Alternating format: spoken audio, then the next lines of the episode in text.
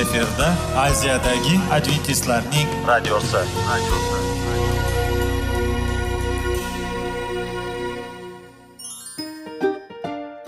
assalomu alaykum aziz radio tinglovchilar. Sog'liq daqiqasi rubrikasiga xush kelibsiz. Zero tananing sog'lom bo'lishi va uning kasalliklardan saqlash har bir insonning burchi hisoblanadi. Inson uchun bebaho boylik bu sog'liq salomatlikdir. Uni asrash esa har birimizga omonat qilib berilgan. Shuning uchun ham inson o'z sog'lig'ini ehtiyot qilishi voajib amallardan hisoblanadi. Dono xalqimiz sog'liq tuman boylik deb bejiz aytmagan. Aql idroq sohibi bo'lgan inson o'z hayotini qadrlashi lozim bo'ladi. Hozirgi kunda qanchalik dori darmonlar ko'paymasin tibbiy muassa sifati shifokorlar vasiyasi tibbiy texnika yaxshilanmasin. Agar insonning o'z salomatligi haqida qayg'urmasa kutilgan natijaga erishib bo'lmaydi va biz sizlarga bizning dasturimizga xush kelibsiz deymiz.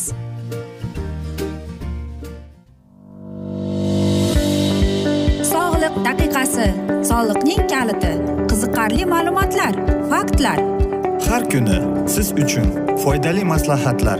Sog'liq daqiqasi rubrikasi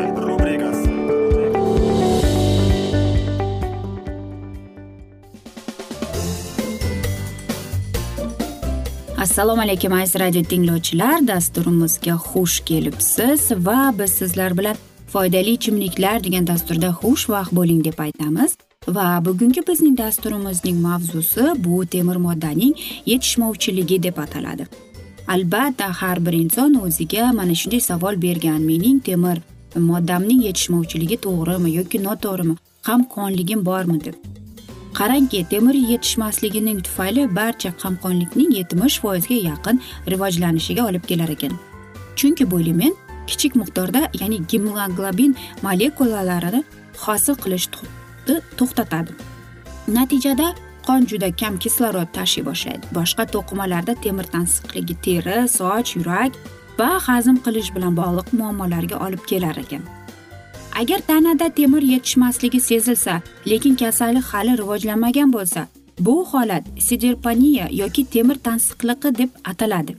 Ko'pincha anemiya tug'ruq davrida ya'ni ko'proq ayollarda homilador ayollarda shuningdek o'n ikki o'n yetti yoshli o'smirlarda ham sodir bo'lishi mumkin.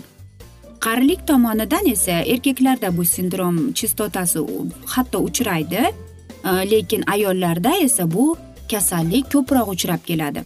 Ko'p e, homiladorlikdan tug'ilgan bolalarning oltmish foizgacha hayotning birinchi yilida chaqaloqda e, ham temir tansiqligidan aziyat chekadilar. Ya'ni anemiya rivojlanishidan oldin ham sidepariyaning o'ziga xos belgilari paydo bo'ladi. Ya'ni uning mana shunday belgilari qanday bo'lishi mumkin deymiz. Buning qarangki sochning terining tez oshqozon ichak yurak mushak va asab tizimiga ta'sir qilar ekan birinchi o'rinda biz aytamizki nimaning alomatlariga belgilariga berishimiz kerak e'tibor deb agar sizda temir tansiqligining alomatlari bo'lsa bu eng ko'p kamdan kam hollarda tashkil qilsangiz э, va albatta birinchi o'rinda teringizga qarang u quruq bo'lib qoladi. Murt qatlami mixlari bo'ladi tirnoqlar shaklini o'zgartiradi. Ularning kundalang shtrixlarini ham e, soch ham uchlari e, sekin o'sishi charchoq e, holsizlik uyqusizlik mana shu uyqulik bo'ladi. Ta'mning buzilishi og'izdagi tish pastasi ya'ni tishingizning og'zingizning mazasi ta'mi o'zgaradi. Bo'yoq iste'mol qilish istagi va boshqa aytaylik g'alati hidlarga qaramlik ehtiyojlikni sezib qolasiz. Gemoglobin kamayishi bilan qonda kislorod yetishmasligi bosh aylanishi hushdan ketish belgilari ham kuzatiladi lekin bu aynan qiyin mahalda bo'lib qolishi mumkin. Yurak urishi va albatta e, sizning tonusingizni sizni e, bezovta qilishi mumkin ekan. Yashirin yoqin yoki aniq sidipariyani aniqlash uchun qon tekshiruvi o'tkaziladi va aniqlanadi deymiz. Buni albatta faqatgina shifokorlar sizga aytishi mumkin. Temir tansiqligi uchun oziqlantirish maslahatga masalan bu go'sht jigar va tuxum e, eng yaxshi mahsulotlar hisoblanadi. Temir birdan besh foizdan ko'p bo'lmagan sabzavotlar va mevalar so'raladi.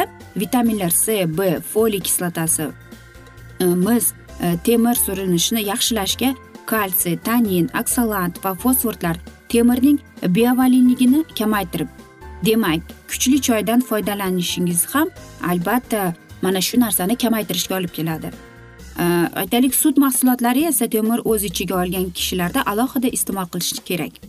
Oziq ovqat tarkibida devalent va trivalent temir ionlari judayam mavjud ekan. Bu ikkala ion ham ichakda so'riladi organizmda temir ionlari kamayishi mumkin ekan. Gemoglobin e, molekularining bir qismiga aylanishdan oldin esa divalentaga aylanib qoladi.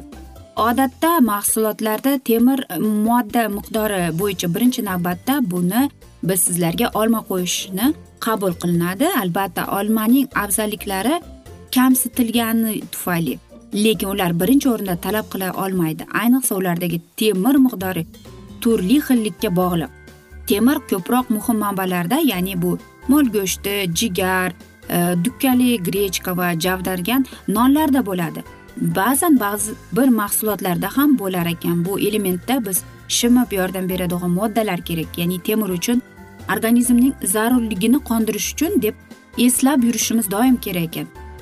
Lekin temirning eng yaxshi do'sti bu c vitamini yoki askarbinka kislotasidir bu nafaqat qon shaklini uchun balki ko'plab tanamizning tizimlarining normal ishlashi uchun eng muhim narsa hisoblanadi.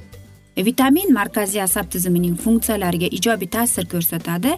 Endokrin bezlar faoliyatini rag'batlantiradi temir va normal e, mana shunday yordamga yemishga yordam beradi. Yuqori sifatli temir surilishi uchun kamiga yetmish besh milligramm vitamin c iste'mol qilishingiz kerak. Bu vitamin ko'p miqdordagi mahsulotlarda mavjud. Brokkoli gulkaramda klyukva apelsin greyfurt limon yoki ananas sharbatida yoki papayada yangi qulpinoyda qovunda kivida bo'lishi mumkin. Bundan tashqari c vitamini katta miqdorda qora smorodinada bo'lar ekan dengiz ichishmurutda qizil qalampirda petrushka yashil piyozda bo'lar ekan va qizil karamda topilgan. Shuning uchun ham mol go'shti jigar mana shularni iste'mol qilishingiz kerak. Aziz do'stlar men o'ylaymanki hammamiz ham bilamizki qizilchada ham qon kamlikka judayam foydali deb ammo lekin biz yuqorida aytilgan mana shu mevalarni siz o'zingizda blenderda smuzi qilib iste'mol qilsangiz kuningizga bir stakandan siz o'z temir moddangizni to'g'ri rivojlantirib kelasiz. Biz esa aziz do'stlar afsuski mana shunday afsunda dasturimizni yakunlab qolamiz chunki dasturimizga vaqt birozgina chetlatilgan.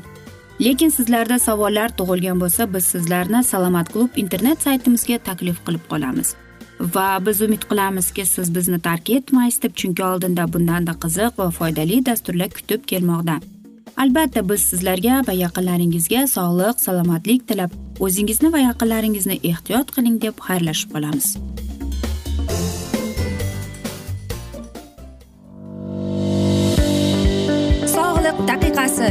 Soliqning kaliti qiziqarli ma'lumotlar faktlar. Har kuni siz uchun foydali maslahatlar. Sog'liq daqiqasi rubrikasi.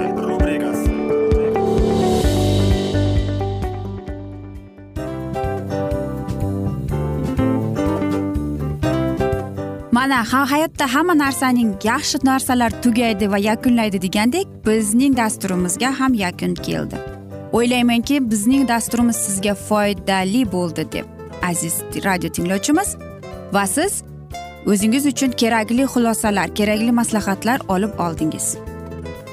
Aziz radio tinglovchimiz biz bilan qoling va keyingi dasturlarimiz albatta undanda qiziqroq bo'ladi. Mana shu alfozda sizlar bilan xayrlashib qolaman.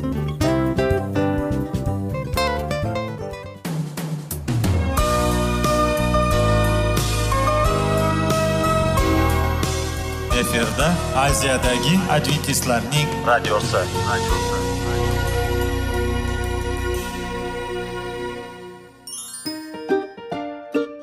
Assalomu alaykum aziz radio tinglovchilarimiz. Dil izhori dasturimizga xush kelibsiz. Pul insonni baxtli qiladimi? Albatta yo'q. Sog'liqchi? Albatta bo'lishi mumkindir. Lekin olimlar shuni isbotlashdiki to'liq va mukammal munosabatlar insonlarni baxtli qilar ekan. Albatta biz hayot davomida biz yaqin insonlar bilan odamlar bilan aloqada bo'lamiz va ular bilan munosabatlarimiz qanday kechadi qanday tuziladi? Yigit va qiz er va xotin ota ona va farzandlar va yaqin insonlar bilan. Balkim hozirgi vaqtda kimnidir hayoti yoki munosabatlari buzilyapti. Va bizning dasturlarimiz ularga yordam bo'ladi deb.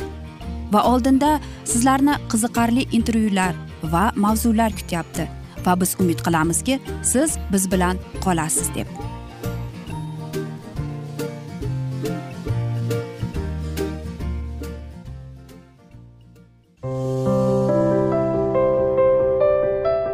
Har kuni har xil kasbdagi odamlar bilan sirlashish va bo'lishish sevgi rashq munosabat. Bularni hammasi dil izhori rubrikasida.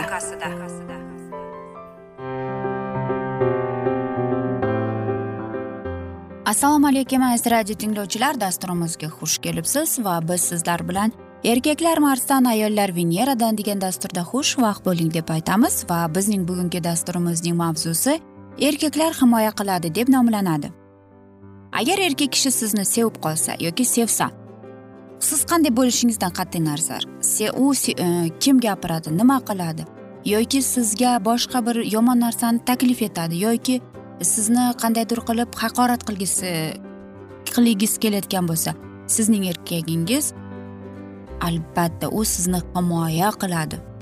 Yoki aytaylik sizga qandaydir hurmatsizlik qilib ko'rsatdi u sizni himoya qiladi. Bu uning tabiati. Bu sayyoraning yer sayyorasining erkaklari haqida e, shunday deyishimiz mumkinki hech kim hech qachon mening oilamni haqorat qilishi mumkin emas.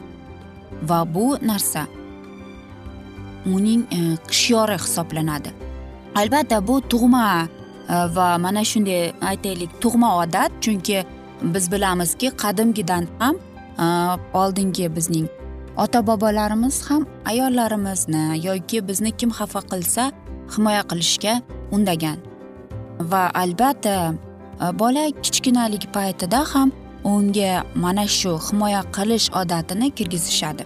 Va albatta biz aytamizki qanday qilib? E, chunki bola yoshligidan mana shu narsani o'rgatadi uqtirishadi.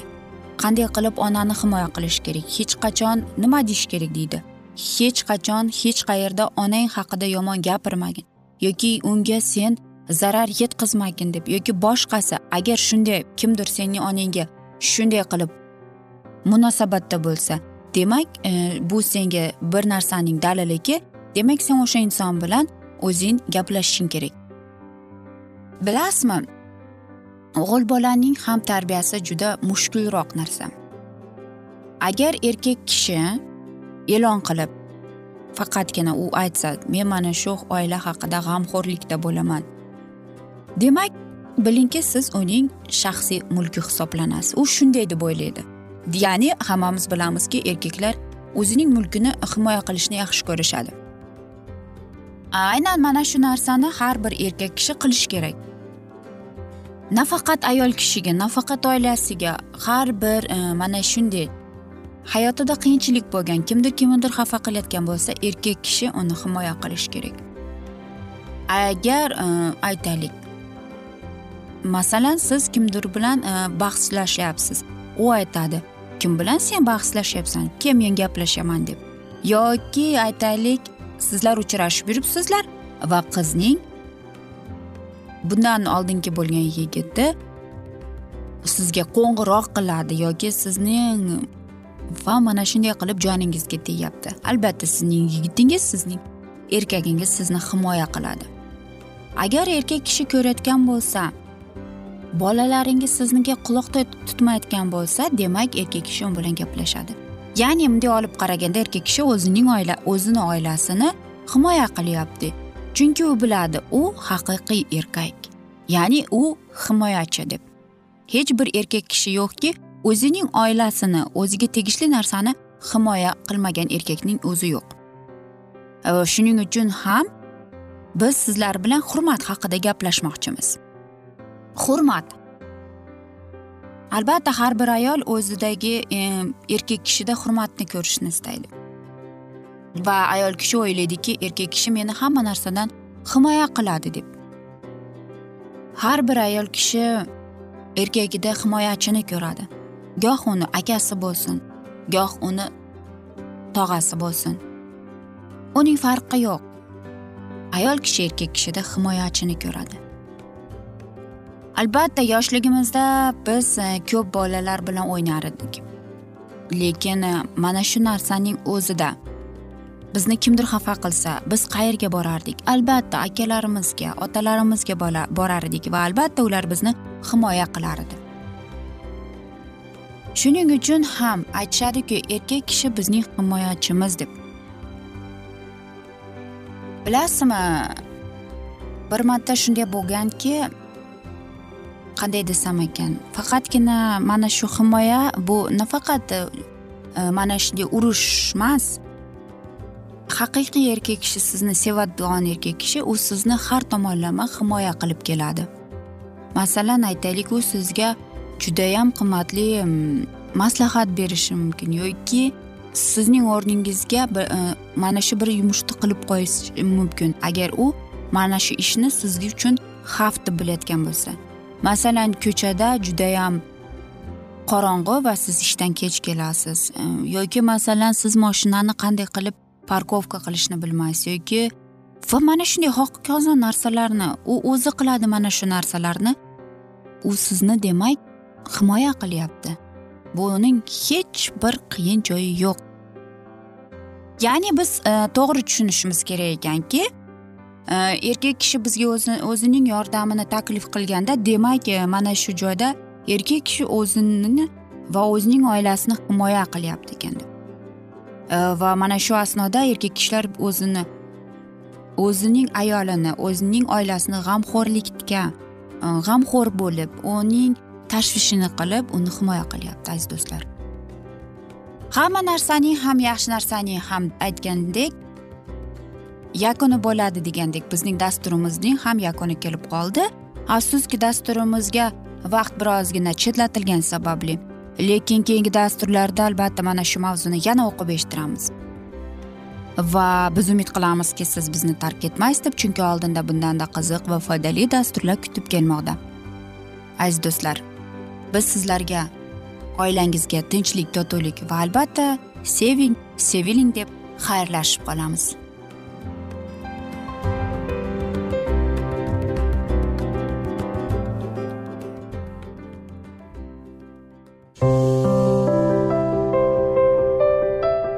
Har kuni har xil kasbdagi odamlar bilan sirlashish va bo'lishish sevgi rashq munosabat bularni hammasi dil izhori rubrikasida.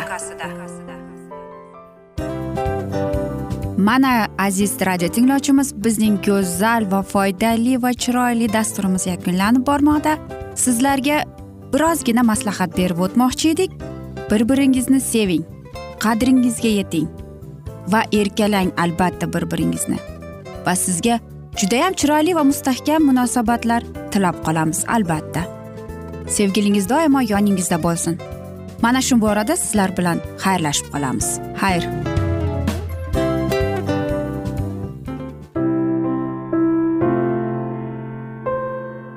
Hayotning noni. Qiziqtirgan savollar va javoblar. Buning hammasi ko'ngil uchun oziqa rubrikasida.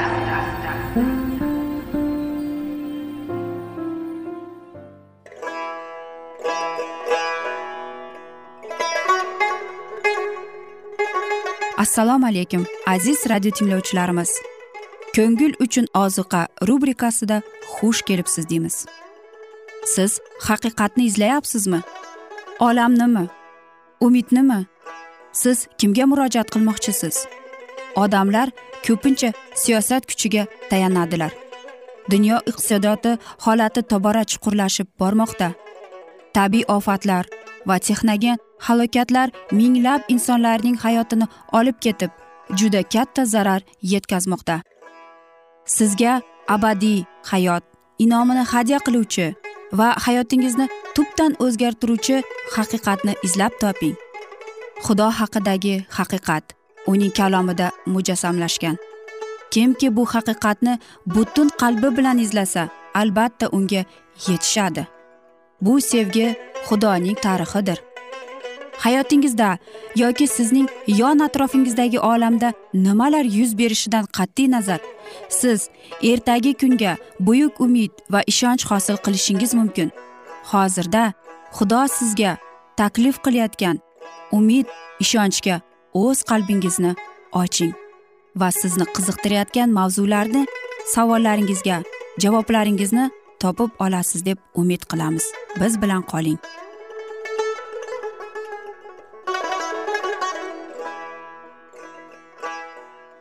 Assalomu alaykum aziz radio tinglovchilar. Dasturimizga xush kelibsiz va biz sizlar bilan ulug' kurash degan kitobni o'qib eshittirishni boshlagan edik.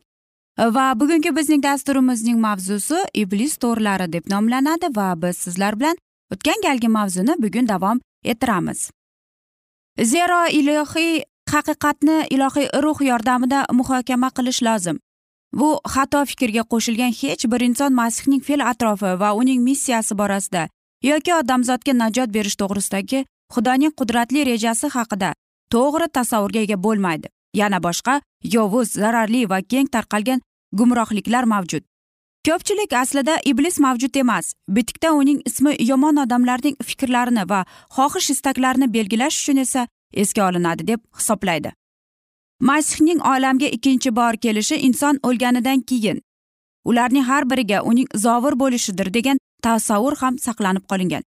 Masihning samoviy ustunlarda kelishini kutayotganlarni bu yolg'on chalg'itadi va esankiratib qo'yadi. Uzoq asrlar davomida iblis bir necha bor pichirlab u berkxonalarda derdi. Ana shu yolg'on so'zlarga ishonganlarning hammasi halok bo'ldi. Ibodat qilishga hech qanday zarurat yo'q deb ta'lim beradi. Dunyoviy donishmandlik. Olimlarning tasdiqlashicha qilingan samimiy iltijo va ibodatga hech qanday amaliy javob bo'lmaydi. Agar shunday mo'jiza yuz bersa qonun buziladi. Shuning uchun ham mo'jizalar mavjud emas. Dunyo deb ataydi ular. Ma'lum qonun qoidalar orqali bosh boshqariladi. Ularga qarshi xudo nima qila olmaydi? Shu tarzda rabbiyni uni o'zining qonunlariga tobe qilib tasvirlaydigan go'yoki ilohiy erkinlik ilohiy qonunlarning ta'siridan mustasnoday. Bu kabi ta'limotlar muqaddas kitob guvohligiga ziddir. Nahotki masih va uning havoriylari mo'jizalar ko'rsatmagan bo'lsalar bugungi kunda ham muruvvatli najotkor tirik va yerda yashagani kabi u oldingiday ishonch ibodatga javob qaytarishga tayyor turibdi tabiiylik g'ayri tabiiylik bilan yonma yon samimiy ibodatimizga javob qaytarish. Albatta ibodatsiz biz unga erisha olmaymiz. Xudo rejasining bir qismidir. Bugungi kunda masihiy jamoatlarda qanchadan qancha soxta ta'limotlar va to'kib chiqarilgan g'oyalar gumroh. Xudo kalomi tufayli o'rnatilgan qonun qoidalarning birortasini inkor etish qanchalik mudhish oqibatlarga olib kelishi mumkinligini tasavvur ham qilish qiyin. Shunday yo'l tutishga qaror qilganlar ham birgina haqiqatni inkor etish bilan kifoyalanadilar. Ko'pchilik haqiqatning qonun qoidalarini birin ketin inkor etib boraveradi. Toki oxir oqibatda shunday odamlar haqiqiy bidatchi gumrohlarga aylanib qolmagunlarigacha o'zlarini to'xtata olmaydi. Ommabop ilogohdagi xatoliklar ko'plab masihiylarni muqaddas kitobdan skeptizmga ya'ni ishonchsizlikka boshladi. Adolat rahm shafqat va ezgulik bular buyuk qadriyatlardir. Insonga ular muqaddas kitobni oyoq osti qilmoqdalar deb uqtirilsa u umuman xudoning kalomidan voz kechadi. Iblis ham ana shunday maqsadni ko'zlaydi. U insonda xudoga va uning kalomiga bo'lgan ishonchni yo'l yo'q qilishga astodil intiladi. Ikkilanib sarosimaga tushgan butun boshli katta qo'shinni shayton boshqaradi. U o'z tomoniga imkon qadar ko'proq odamlarni jalb etishga harakat qiladi. Ishonchsizlik modaga kirib kelyapti. Insoniyatning katta jamiyati ilohiy kalomiga va uning muallifiga shubha bilan qaraydi chunki u gunohdan nafratlanadi va gunohni ayblaydi. Ilohiy talablarga bo'ysunishni xohlamaganlarga o'zlari uning obro' e'tiborini tushuntirishga intiladilar. Bunday odamlar bitikda yoki aytilayotgan va'zda xatolarni topish mumkin muqaddas kitobni o'qiydilar va yoki va'zni tinglaydilar. Juda ko'p odamlar o'z burchlariga nisbatan beparvo qarashlarni oqlash uchun ham gumroh va bidatchi bo'lib ketadilar. Yana boshqalari ishonchsizlikka manmanlik va bekorchilik yetaklaydi. Yengil hayotni benihoyat yaxshi ko'ruvchilar izzat hurmatga loyiq hech narsa qilolmaydilar ilohiy haqiqat esa ulardan qurbonlikni va ixtiyoriy ravishda o'z manfaatlaridan voz kechishni talab etadi. Ular esa muqaddas kitobni tanqid qilib o'zlarini donishmand qilib ko'rsatmoqchi bo'ladilar. Ilohiy donolikdan bexabar bo'lgan bizning cheklangan ongimiz ko'p narsaga yetishishga qodir emas. Shuning uchun ham bu kabi odamlar tanqid qilish uchun har doim bahona topadilar. Yana boshqalar esa shubha bilan qarash gumrohlik va ishonchsizlik tomonida turishni xayrli ish deb hisoblaydilar. Bir qarashda samimiy bo'lib ko'ringan bu odamlarning asl mohiyati manmanlik va takabburlik niqob ostiga berkitilgan. Ko'pchilik muqaddas bitikda odamlarni boshi berk ko'chaga olib kiradigan matnlarni oqtarib topish bilan ovora va shundan ular rohatlanadilar. Ba'zilar bahslashishni yaxshi ko'rganlari uchun oldiniga tanqidchilik va asossiz ayblash bilan shug'ullanadilar. Mana shu yo'sinda iblisning to'riga ilinib qolayotganlarning tushunmaydilar. Lekin bir marta o'zlarining ishonchsizliklarini ovoz chiqarib tan olganlaridan keyin mana shu nuqtai nazarda turishni o'z burchlari deb biladilar. Shunday qilib ular nopok shayton bilan birgalashib olganlaridagi jannat eshiklari yopilib qo'yadilar. Rabbiy o'zining ilohiy mohiyati borasida o'z kalomida yetarlicha darajada isbotlar keltirgan. Ba'zi bizga najot hadya etuvchi buyuk haqiqatlar aniq va qattiq bayon etilgan. Hammaga va'da qilingan muqaddas ruh yordamida kim uni qidirsa har bir inson mustaqil ravishda mana shu haqiqatlarga etishi mumkin. Xudo odamlarga mustahkam poydevor inom etdi. Mana shu poydevorga barcha o'z ishonchini barpo etishi e, mumkin. Ammo insonning cheklangan ongi cheksiz xudoning reja va istaklarini to'liq tushunishga qodir emas. Aziz do'stlar mana shunday asnoda biz afsuski bugungi dasturimizni yakunlab qolamiz. Chunki dasturimizga vaqt birozgina chetlatilgani sababli. Ammo lekin sizlarda savollar tug'ilgan bo'lsa biz sizlarni adventis internet saytimizga taklif qilib qolamiz. Va albatta sizlarga va oilangizga tinchlik totuvlik tilagan holda o'zingizni va yaqinlaringizni ehtiyot qiling deb xayrlashib qolamiz omon qoling deymiz. Xayr sog' bo'ling.